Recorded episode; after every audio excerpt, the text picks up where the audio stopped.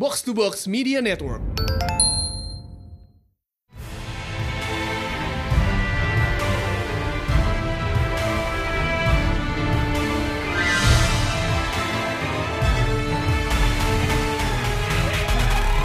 So, welcome to a very special episode of Fratellan Panel, show di mana kita membahas komik dan panel by panel bersama Mindan Dan High Priest.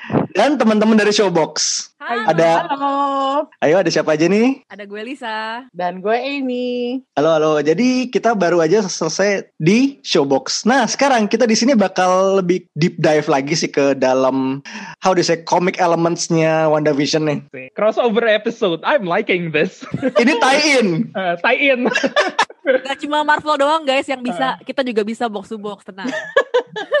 Kan box to box ini. Eh, jadi gue disclaimer aja karena kita udah bahas kayak the whole series tadi di Showbox, kita bakal langsung masuk ke spoiler territory lah. ya. Yus, langsung, langsung. Oke, eh, so salah satu hal yang paling menarik adalah so far episodenya dua episode representasi dua decades kan. Hmm. Kita dari 50s ke 60s di episode 2, terus kayak di ujung episode 2 tuh kayak mulai pas masuk warna itu episode I think it's getting a bit of 70s vibe gitu kan. Iya. Nah itu eh, mungkin kalau lihat dari strukturnya coba ada 9 episode 50s, 60s, 70, 80, 90, 2000 Pokoknya by episode 8 itu udah masuk 2020 Balik ya, langsung ya. Eh, Kalau mengikuti tren yang ini ya Ya. Kalau misalnya kita nggak dilempar curveball di tengah-tengah Nah mungkin emang ini kayak semacam apa ya I think karena tadi sempat kita bahas juga kayak This is possibly Wanda working to her grief kan Dia kayak Hmm. trying to get over losing vision Mungkin makin kita mendekati modern day she's starting to get, get a little bit more stable Kayak mulai lebih Either dia menerima Iya. vision itu udah tidak tiada Atau malah justru ma- makin denial karena kelamaan sama dia lagi Nah iya, kayak mu- mungkin ya dia kayak udah nerima, oke, gue punya hidup sama Vision di sini. It's time to accept reality and bring him into our reality. Who knows? Everything is possible now. ya, terus, Sebentar, eh, gue boleh nanya dulu nggak nih?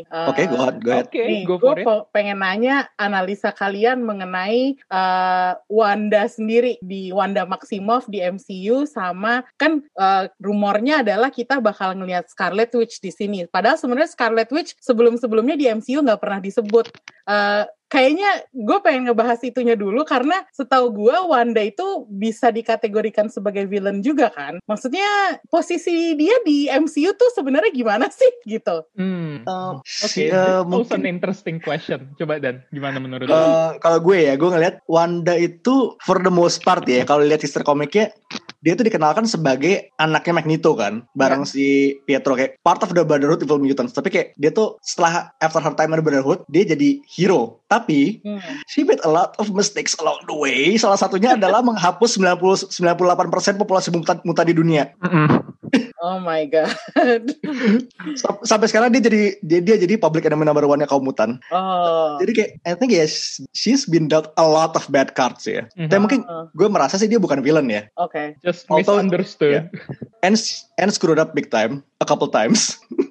Tapi di di MCU kan dia kayak apa sih kalau menurut gue ya dia tuh apa ya eh, kondisi mentalnya kayak agak nggak stabil nggak sih setelah setelah kehilangan Vision. Mulai dari Infinity War tuh gue rasa kayaknya dia mulai agak-agak gila gitu nggak sih? Ya, I mean dia kehilangan saudara kembar dan uh, his man, eh her man in within like a couple years gitu. Mungkin that kinda screws someone up I think ya. Jadi mungkin mental instability juga sebenarnya kan salah satu salah satu core elementnya Wanda di komik juga. Jadi maybe they're trying to play on that here juga, juga sih. Jadi mereka mau uh, tapi sekarang nih instability-nya tuh uh, di counteract dengan her perfect housewife facade gitu loh. Oh iya iya iya. iya. Hmm, iya iya. Itu sih uh, Kalau jadi gue ya, tuh udah penasaran pengen bahas ini sih sebenarnya segala yang eh, pretelan Easter eggs kecil-kecil yang gue selama nonton tuh bikin gue nggak ngerti gitu. Misalnya kayak itu deh Hmm. mainan helikopter gitu. Itu Oke. kayak tanda apa gitu kan. Jadi kayak eh, Nah, sebenarnya oke. yang kecil-kecil tapi nggak gue ngerti itu jadi agak sedikit ganggu gitu. Jadi karena ini terus arahnya mau ke mana ya? Itu, itu artinya apa ya? Udah gitu Hmm. terakhirnya endingnya ada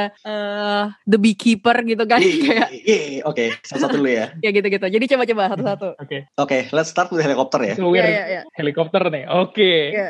I'm Helikopter. very excited about this karena helikopter nih kayak bener-bener yang kayak oh this is getting meaty. I like this a Hmm, lot. Oke. Why why? Kenapa? Oke, helikopternya itu ada Karena- logo iya. remind me ada logo sword kan di depannya. Ah, ada Iya. ada logonya sword dan, Dan warnanya berwarna. merah dan emas. Merah Aha. emas ya. heeh.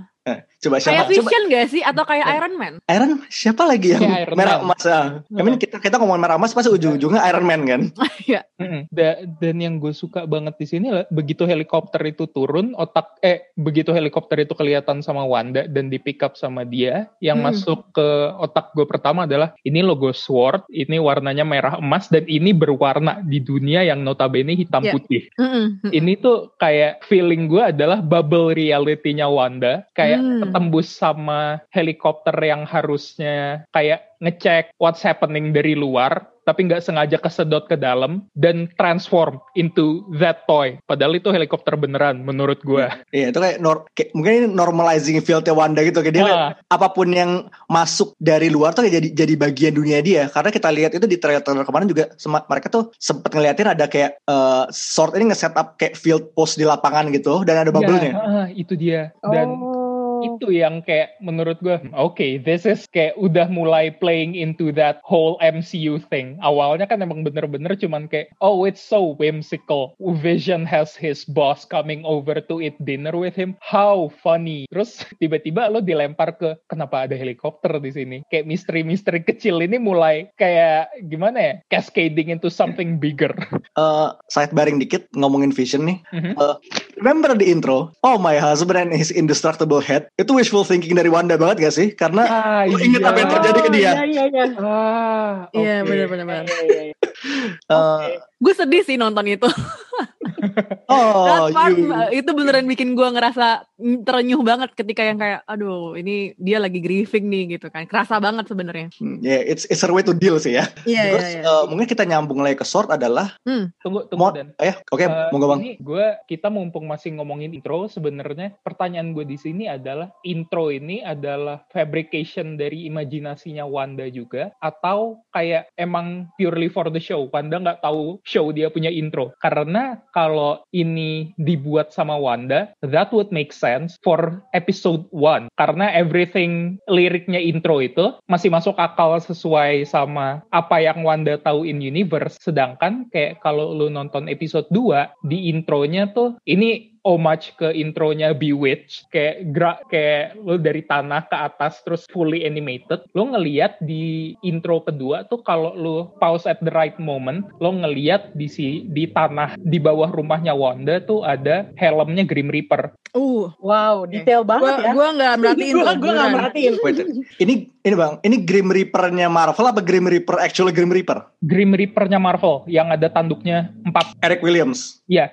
Tunggu, ini sebenarnya mungkin ya. ini Easter egg ke visionnya Tom King karena inget Ya, siapa iya, yang mati di itu situ? dia. Ah, Ya, yang mati di situ adalah anaknya Vision. Oke, eh eh, mungkin itu it's possible. Gue gue sebenarnya belum catch itu karena gue kemarin juga mungkin ya Iya. to focus with other thing ya mungkin bisa masih gue rewatch lagi. Tapi oke, getting back, eh, Sword Geraldine alias Monica Rambeau, Agents of Sword. Jadi di komik dia adalah salah superhero mantan pemimpin Avengers. Oh, oke. Mhm. Eh, ya pokoknya she's like pretty much a pretty big deal Ka- belakangan ini kan bel- balik belakangan dia mulai banyak push juga and it's good karena gue suka karakternya dan di sini uh, lumayan maris karena dia dikirim ke dalam Westview tapi kita belum tahu apakah dia masih pu- masih punya mission directive kayak untuk let's say apakah dia memonitor Wanda atau kayak convincing her to get her out atau dia udah terasimilasi jadi bagian Westview kita belum tahu nih Mhm. Hmm. dan dari situ bagian interesting di situ sih Mhm.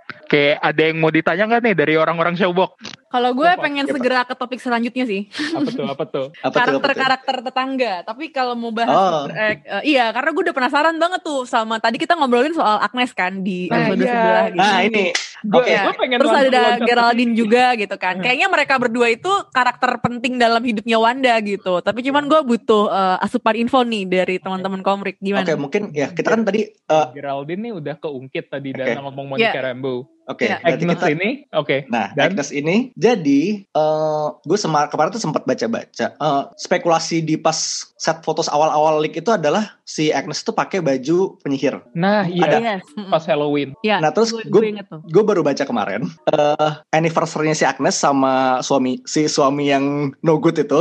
Salem Witch Trial. Iya, 2 Juni, which is the time of Salem Witch Tri- Trials. Nah, itu udah ada dua koneksi witch kan? Ya. Ya. Dan ini kayak kayak it's just me pulling it kayak pulling the teori paling maksa adalah Agnes tuh kayak singkatan dari Agatha Harkness. Iya. Hmm. Agatha Harkness ini bisa dibilang adalah salah satu mentornya Wanda. Jadi pas Wanda kan kita taunya kalau di komik itu mereka Wanda tuh mutant. Tapi ternyata abis kayak ketemu sama Agatha Harkness dia kayak diajarin power lu bukan cuma bukan cuma mutant power, tapi power lu adalah chaos magic. Jadi mungkin kita bisa mungkin ini adalah semacam sign di mana kita tahu eh, MCU Wanda itu powernya enhanced kan. Dia dieksperimen sama Strucker. Iya. Mungkin kayak part of that power allows her to access eh, magic. Jadi karena itu dia bisa bikin Westview dan nanti dia bakal ketemu Doctor Strange untuk kayak presumably karena Terus- magic powernya out of control, which almost always happens with Wanda. Hmm. Oh, oke. Jadi teorinya dia adalah eh, Agatha Harkness ya, berarti ya, gurunya Wanda ya yang di komik Exactly, itu ya. dia mentor. Oh oke, gue gak kepikiran sama sekali tuh ke situ.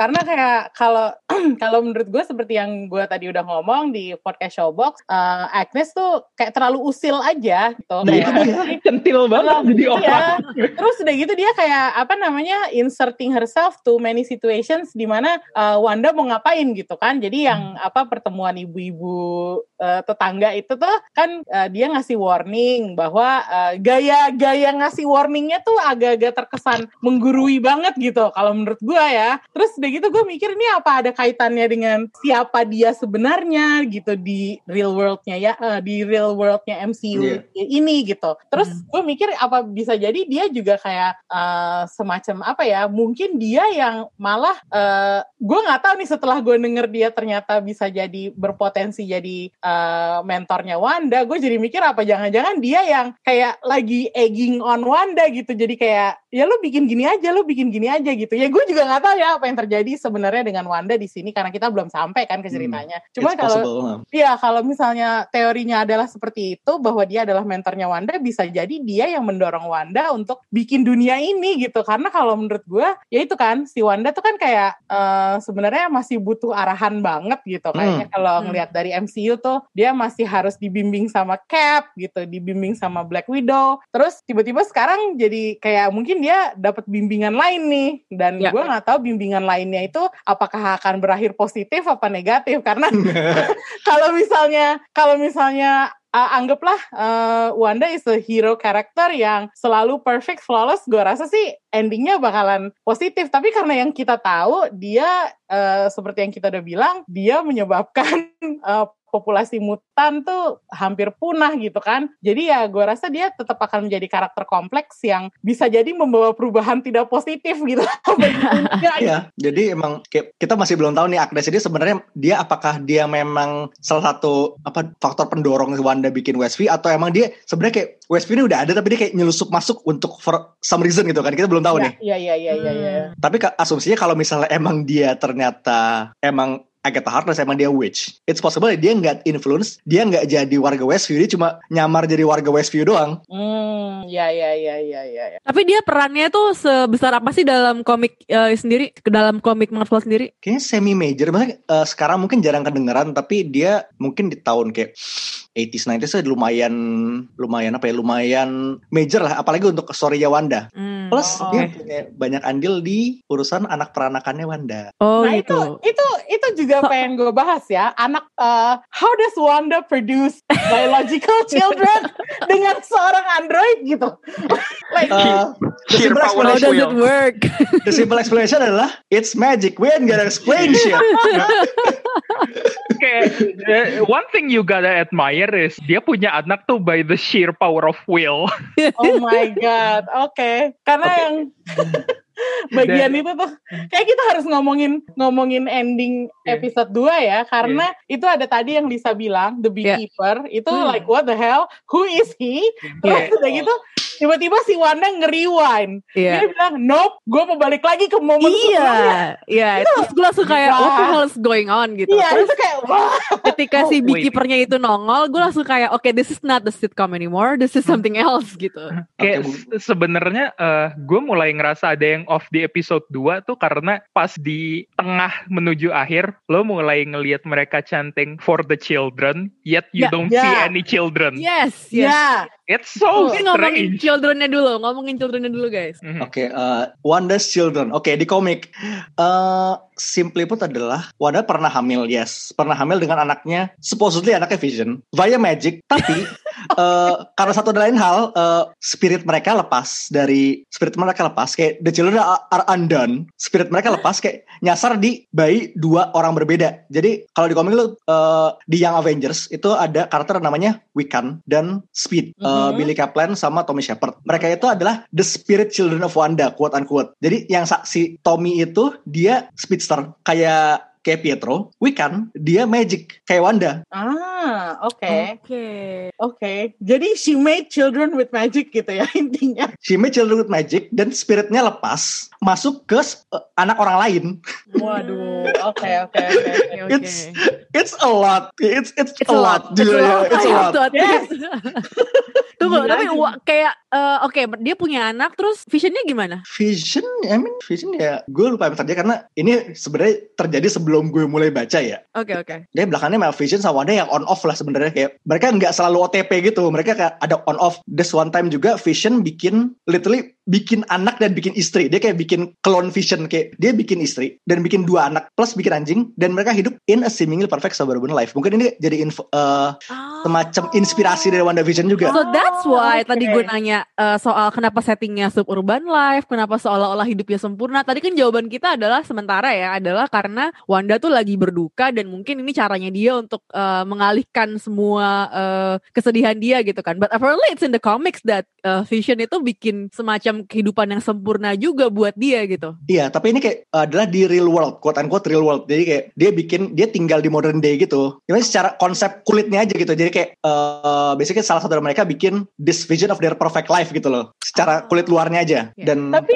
it, it also makes sense karena kalau dilihat-lihat ya selama Infinity War kalau nggak salah kan Wanda sama Vision sempat ketemuan tuh meskipun mereka ceritanya satu tim Star satu tim Cap gitu mereka sempat rendezvous gitu ya siapa tahu di antara rendezvous rendezvous mereka itu mereka ngomongin kayak apa sih uh, Vision pernah bilang gue pengen coba tinggal di daerah suburban terus punya istri anak anjing gitu nah itu it's possible. jadi Jadi kayaknya idenya udah udah udah idenya udah kesimpan duluan. Iya, kayak jadinya akhirnya terus si Wanda menyerap itu dan pada saat dia akhirnya membuat Westview, dia mungkin bisa jadi kayak, oh iya Vision pernah sharing ini ke gue. Gue sih ngeliatnya gitu ya, karena kalau Iya.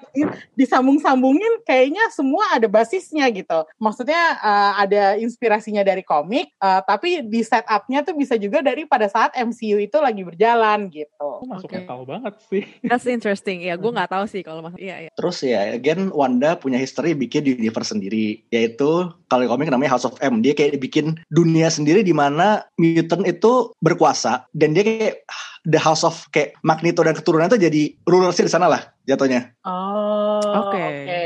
Ya, ya, ya, ya, ya, ya. Tapi tadi kalian juga nyebut apa namanya Tom King itu eh, salah satu penulisnya Marvel bukan sih? Ya, Tom King itu yang bikin yang nulis Vision. Comic Vision in a Suburban Life itu. Oh, oke, oke, oke. Jadi dari ide-idenya Tom King juga ada yang diserap juga ya sama Ya, si WandaVision agak ini? semacam ah, kayak gue rasa main influence adalah dari eh, visionnya King and Walta sama House of M sih feeling gue ya. Jadi kayak lo gabungin the element of them living this perfect suburban life dan bikin dunia sendiri gitu. Hmm, oke, Oke. oke. Tapi terus Dan, kita bisa Apa? ngomongin gak sih Beekeeper itu siapa?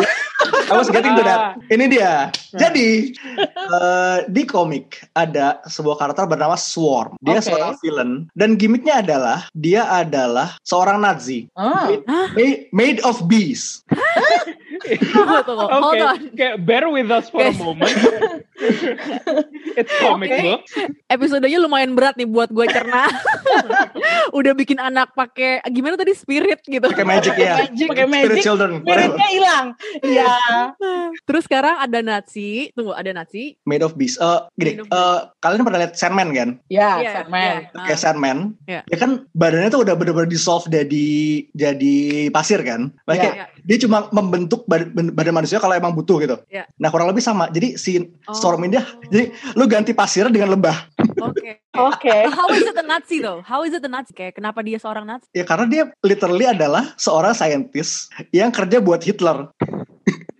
Oh, kayak Red Skull gitu ya jadinya ya. Ah, Re- Red Skull is fortunate enough that he is gimana ya? Dia tuh aneh, tapi bukan aneh seaneh lo lebah tapi lo Nazi. So Red Skull gampang dibawa ke film. Oke, oke. This guy is pretty much unfortunate baru bisa dibawa sekarang and we really hope it's him. iya. Oh, oke. Jadi ini baru spekulasi bahwa itu Iya. swarm ya. Iya. Ya baru spekulasi. Tapi emang gini, lo ngelihat gue gue ya ngelihat lebah itu ya pasti swarm. Tapi ketika lo ngomong Nazi connections ya, remember who who was also a Nazi, who was also Hydra, Baron von Strucker. Ah, ya. Oh, oke. Jadi gini, walaupun lo lihat si Beekeeper tuh dia make seragamnya ada sword kan, Ya. uh, is it possible kalau misalnya si Beekeeper ini si not swarm ini adalah sebenarnya anak buahnya Strucker. Jadi mungkin dia pernah lihat pernah lihat dia di compound Strucker, dan makanya dia kayak it's rewind time. Kayak Oh. nope nope nope pergi nope pergi.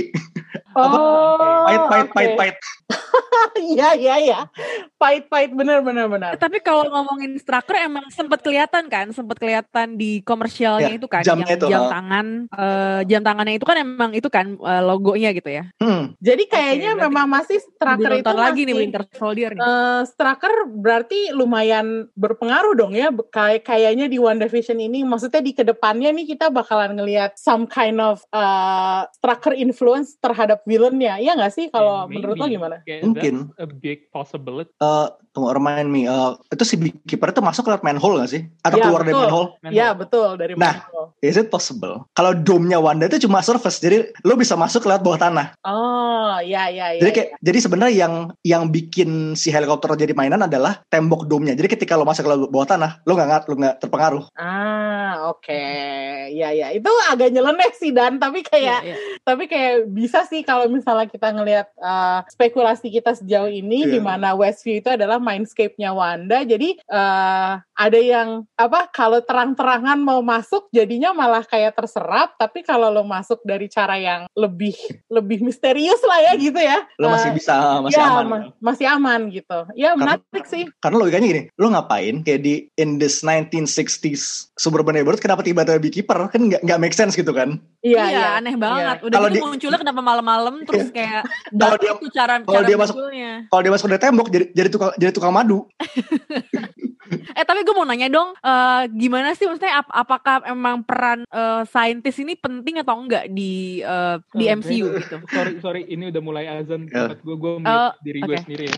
Oke, Or- oke. Ini mau Ya. mute atau pause? Terserah sih, paus juga nggak apa-apa. Pause dulu Terserah, nggak? terserah. Udah pause, sorry. Coba, Iya. coba ya pas dulu deh. Ah, tadi Pause aja ya. eh, bookmark dulu. Oke. Oke, jadi Nazi Bee Scientist Swarm ini karakter yang ajaib, yes. Hmm. Tapi sekarang tuh di, di komik mungkin dia semacam kayak villain kelas C sih, sebenarnya kayak cuma dia cuma biasanya cuma nongol kalau emang butuh punchline doang. Oke, oke. Kayak he's not that important gitu loh. Jadi the How fact dangerous though? Like like how dangerous? I mean, bees are pretty dangerous in general. oke eh, karena memang dangerous ya jujur. ya. Tapi ya itu again punchline doang. Biasanya banyak kan jadi punchline. kayaknya bisa nggak sih ternyata dia uh, he's just a man in a bee suit gitu Oh kayak no. Gak mungkin ya, It's gak gonna mungkin be ya. swarm.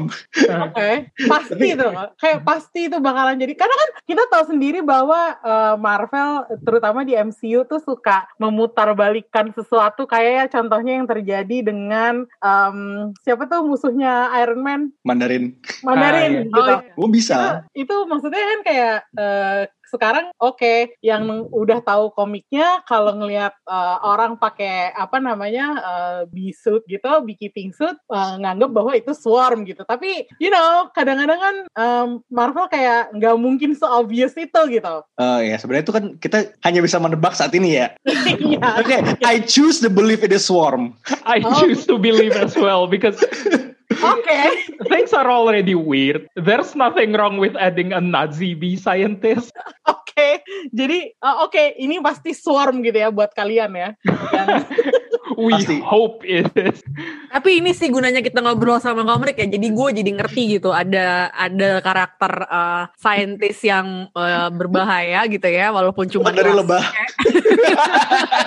walaupun cuma punchline. Gue gue sebenarnya gak kebayang konteksnya secara cerita dalam komik gitu ya. Cuman Ya. eh, gue sih berharapnya itu beneran bisa nambah eh, apa ya something at stake lah karena so far ini dua episode tuh gue ngelihatnya masih kayak masih kayak belum tahu nih apa yang dipertaruhkan gitu kan masih Hmm. belum jelas Hmm. eh, konteksnya gitu jadi kayak dengan adanya kehadiran si beekeeper ini jadi kerasa agak lebih sedikit berbahaya nih dunia Hmm. sempurna yang di yang diciptain sama Wanda gitu. Tapi gue nggak tahu apakah kalian nih ngerasain ada hal lain yang juga berbahaya atau enggak? Atau emang beneran beekeeper doang aja nih yang kira-kira jadi eh, gongnya dari dua episode ini? Mungkin ya kalau mau bilang bahaya mungkin bahayanya adalah uh, Wanda sendiri gitu. Kayak the the idea of lo uh, kayak taking up this whole neighborhood lo masuk ke dalam dome Iya. dan lo bikin dunia sendiri kayak it is an idea that has never worked well in comics jadi komik itu pernah ada uh, konsep bernama Pleasantville dia ke penjara shield di mana para supervillain dimasukin situ mereka dihipnotis buat jadi orang biasa as Terus you ada can konflik sih.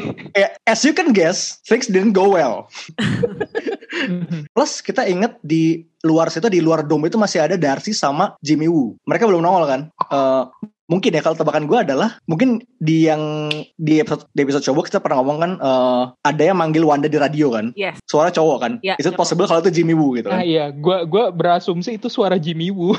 Karena ya suaranya kan kresek-kresek gue nggak terus kayak Jimmy Woo tuh aksennya kan lumayan prominent ya. Kayak luma, suaranya lumayan recognizable kayak Mhm. gue sih nggak bisa denger Jimmy Woo tapi it's possible gitu kan. Oke, oke. Jadi kira-kira, em, oke, sekarang gue pengen tahu nih pendapat kalian berdua tentang what we're going to see next gitu. Karena kita udah tahu nih bahwa ini is not actually the perfect world. Uh, meskipun Wanda uh, me- merekayasa sedemikian rupa bagaimana supaya jadi perfect. Tapi kan kita tahu perfection is just an illusion gitu. Ya, iya, memang. Nah, kira-kira apa nih yang bakalan kita lihat di episode berikutnya gitu? Karena gue nggak bisa nebak sama sekali Arahnya ya? arah arahnya gitu. Si WandaVision ini mau dibawa ke mana gitu? Eh, kalau my two cents sih ya, eh, mungkin mereka masih bakal stay dengan gimmick eh, sitcom per decade ini kemarin kan 50s, 60s berarti besok akan jadi eh, Wanda 70s show. Oke. Interesting. Tapi I ya would mungkin- to see uh, Paul Bettany in that. All 70s. Oke, oke. Eh, terus kita mungkin bisa lihat kalau lihat kan eh, the breakdown kayak the weird stuff itu datangnya antara satu episode sama dua tuh mulai naik kan. Mungkin kayak we're gonna see things breaking down di episode 3 mungkin a little bit sooner than before gitu. Oh, Oke. Tapi harapan gue adalah ya oke this gimmick is nice kayak lo ngasih homage ke sitcom sitcom of the decade tapi mungkin I think three, three episode is enough gitu loh kayak lo lo nggak usah bawa ya. sampai ujung gitu loh. Kita nggak usah lihat kayak sampai 2000, tahun 2000 ntar jadi How I Met Your Mother gitu How I, How I Met Your How, I- How I Met Your Machine. How I Met Your Robotic How I Met Father. Your Superhero. Mungkin nggak usah dibawa sejauh itu gitu. Tapi so far ya I'm enjoying the gimmick. Tapi ya mungkin gimmicknya jangan kejauhan gitu jangan kelamaan. I think the right way to start the- nanti nih episode ketiga adalah langsung aja ke dunia nyata dulu. Abis itu kalau mau dibalikin ke sitcom lagi ya silakan ya. Oh, Karena bisa, kan atau- 70s, 70s is fun. Tapi kayaknya menurut gue, uh, gue sih berharapnya nanti di episode selanjutnya kita bisa langsung dapat glimpse of uh, some kind of quote unquote real worldnya dulu nih. Biar Nah, ada mungkin. apa ya? Ya, Biar itu. ada koneksi dulu nih buat penontonnya Hmm, yang udah itu. sabar dua episode gitu kan. Tapi gue nggak tahu kalau kalian maunya gimana. Gue ya minim- sebenarnya pengen ngeliat struggle orang-orang SWORD yang berusaha ngehandle situation ini sih. Kayak tadi Dana udah bilang masih ada Jimmy Woo di luar. Gue pengen ngeliat Jimmy Woo tuh ngehandle kasus ini kayak gimana. terus kayak Darcy gitu udah berapa tahun gitu ya lihat Darcy ah iya.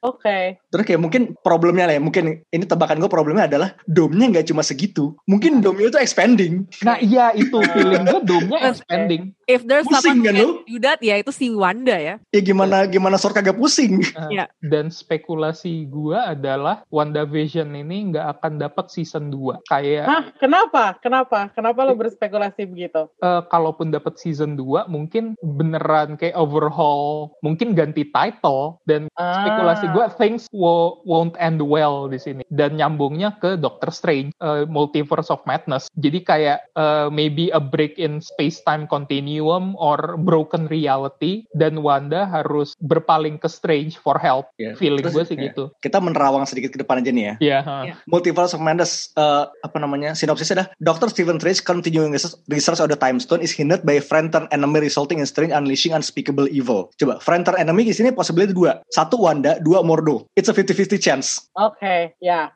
Jadi intinya eh, si eh, Wanda berpotensi untuk mengacaukan semuanya buat Doctor Strange Yeah. gitu kan ya. It's possible, It's as she is want to do. Mhm.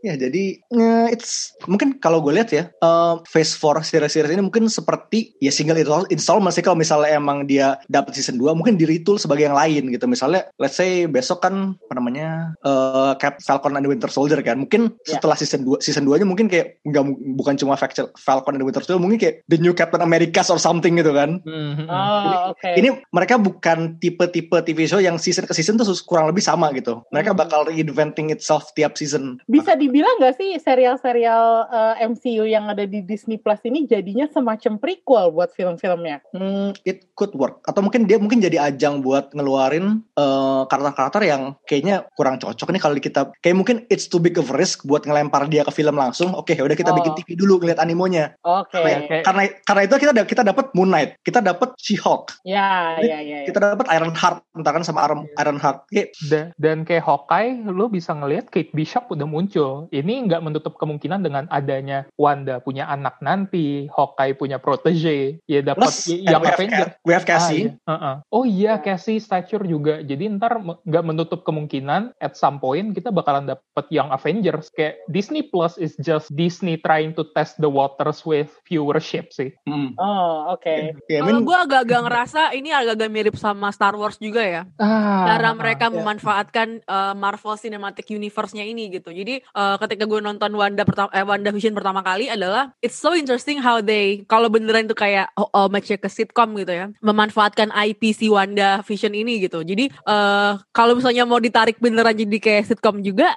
I think it works gitu, tapi kan, tapi kan pasti ada hubungannya sama MC-nya juga kan. Nah itu Hmm. yang bikin uh, ini tuh jadi menarik menurut gue Iya. dan ag- agak-agak kayak kan sama-sama Disney tuh ya uh, yang punyanya gitu ya. Agak-agak agak terinspirasi juga kalau menurut gue strateginya mungkin mirip ya. strategi marketingnya benar. Ya mungkin ya dream sitcom itu tetap sih eh, Hawkeye ngebodor di apartemen tetap ya. Nah ya itu harapan gue adalah ya Hawkeye itu seriesnya full on slapstick comedy. Kalau Loki gimana Loki? Ah Loki, Loki tuh we play with time, baby. Kita main waktu. Loki siap? lorong waktu. Nah, maksud Loki gue gini, siap. kalau kita bisa punya uh, series yang judulnya WandaVision yang Visionnya udah mati ya Loki berarti kebayang nggak lo bakal ngaconya kayak apa? Kalau gue sih mikirnya kayak udah siap aja nih mau diapain seriesnya gitu. Eh, ini sebenarnya Loki-nya adalah Loki yang kabur pas endgame. Ini Loki yang megang yang megang Resurrect. Iya iya. iya. Plus ini dia tuh apparently bakal encountering organisasi organisasi bernama Time Variance Authority. Ini kalau Ah, dianalogikan adalah time cop. Mereka polisi polisi waktu. Tapi Oh, seru, Van Damme dong. ada Terus ada Owen Wilson. Yes. yang gue kagum adalah Loki jadi DB Cooper. That's wow. I never would have thought that's possible to have. Gila. Jadi intinya eh, kalau kita ngomongin serial-serialnya Disney di em, apa ya? eh, serial-serialnya Marvel di Disney, is it a serious kind of pengem- pengembangan yang serius atau gimmick buat film atau kan tadi kan kita ngomongin ini test the market gitu, testing the waters gitu. Tapi eh, kira-kira seserius apa sih mereka ngembangin acara-acara Disney di apa namanya eh, acara-acara Marvel di Disney ini karena kan we already know that eh, apa namanya Defenders di Netflix waktu itu ya agak-agak ya cukup Yeah. juga ya gitu maksudnya dan mereka juga punya Hulu mereka ada eh, apa serial-serial di channel-channel lain ini gitu jadi how do you compare Disney Hmm. Plus Marvel's uh, universe dengan Marvel universe di network-network lain gitu Kalau gue lihat sih, oke. eh, Lu dulu dan. dulu kan si Marvel TV dan Marvel Studios kan lain kan. Iya. Marvel TV itu anakan si Jeff Loeb sama Studios di bawahnya Feige kan. Hmm.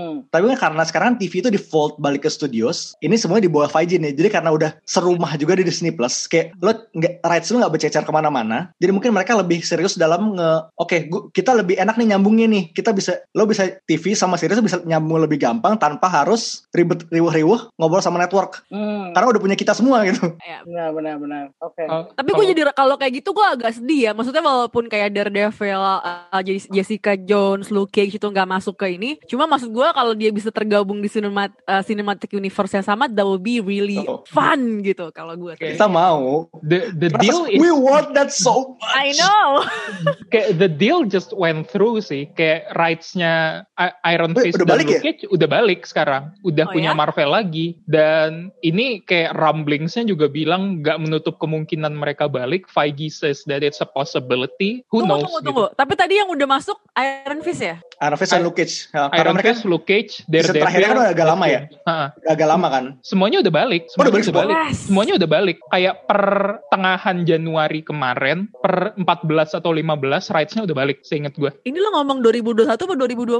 2021, 2021. Oh, beneran Jadi ya? baru banget nih, baru baru banget. baru banget kayak uh, Daredevil Daredevil sama Punisher tuh tahun kemarin kayak Oh, kisaran iya, Oktober iya. kisaran Oktober udah Ah, balik iya. Aha. Gue dari semua itu yang paling gue gak suka Iron Fist by the way karena for for for a guy for a guy yang gimmicknya dia jago berantem he's pretty shit at martial oh arts my I'm he's so super shit sorry is not Aha. Oke, eh gue bisa cek lagi. Hmm. Punisher sama Jess John balik Februari, sisanya udah balik. oh oke Oh, Ah. oke. yes I Hmm. like the Oke, Punisher oke. guy John Berntal. John John Bernthal John is so Bernthal. good Let's He's so dreamy. spotlight. yes I like him a lot Actually pemain-pemain uh, Marvel series ya dari uh, Luke Cage gitu, maksudnya they're pretty hot. I mean, they are make them a movie star. Ini kayaknya agak menyimpang dari Gak apa-apa. I'm so sorry. udah menghayal. That- Inti podcast ini adalah menyimpang.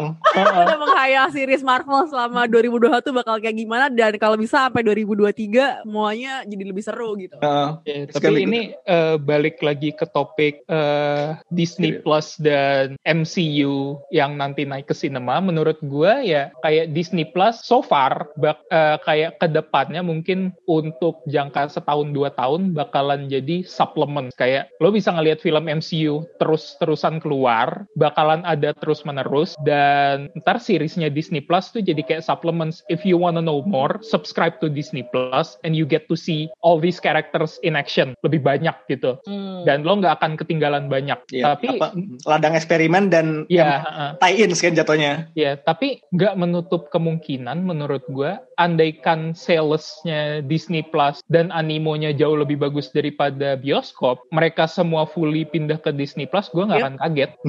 Karena eh, Sebelah udah Warner Bros juga udah kan. Heeh, dan kalau lu ngeliat eh, targetnya Disney Plus waktu pertama diprediksi, eh, kayak mereka udah punya ide bikin Disney Plus. Terus waktu di D23 mereka prediksi dalam 8 bulan, eh dalam 8 bulan profit mereka bakal segini. Dan kayak waktu terakhir, eh waktu dalam sebulan pertama Disney Plus di launch, target 8 bulan mereka tuh exceeded within 3 hours. Curut Oke. memang. Wow. Legenda curut. Jadi gua nggak akan kaget andaikan Disney tuh kayak ngelihat oh sebenarnya keuntungan kita dan target audiens kita tuh kayak mereka udah di tangan kita sekarang. Kita nggak perlu lagi medium yang namanya cinema. Jadi andaikan mereka bener-bener fully kayak Disney Plus will be its own thing and you will have to subscribe to Disney Plus to get everything. I wouldn't be surprised. Oke. Masih menerawang lumayan jauh sih ya. Heeh. But it's a possibility. Ya, paham. Ya, uh, it's gonna be interesting couple of years on Marvel sih. Kayak Phase Phase 4 kan mereka pertama kali nih. Dulunya film doang. Sekarang lu punya Disney Plus dan film. Mhm. Dan ini release schedule gila juga karena uh, WandaVision kelar itu s- 5 Maret. Dua Oke. minggu kemudian jeblar Falcon and the Winter Soldier. Dua Oh, minggu kemudian. Oh damn. Terus Kita nggak bakal istirahat banyak Iya. sih. abis itu kelar Fal- Falcon Winter Soldier, rapel Loki. Nggak ada nggak berhenti ini sampai tengah tahun. Disney Plus udah kayak 21 biasanya. Iya.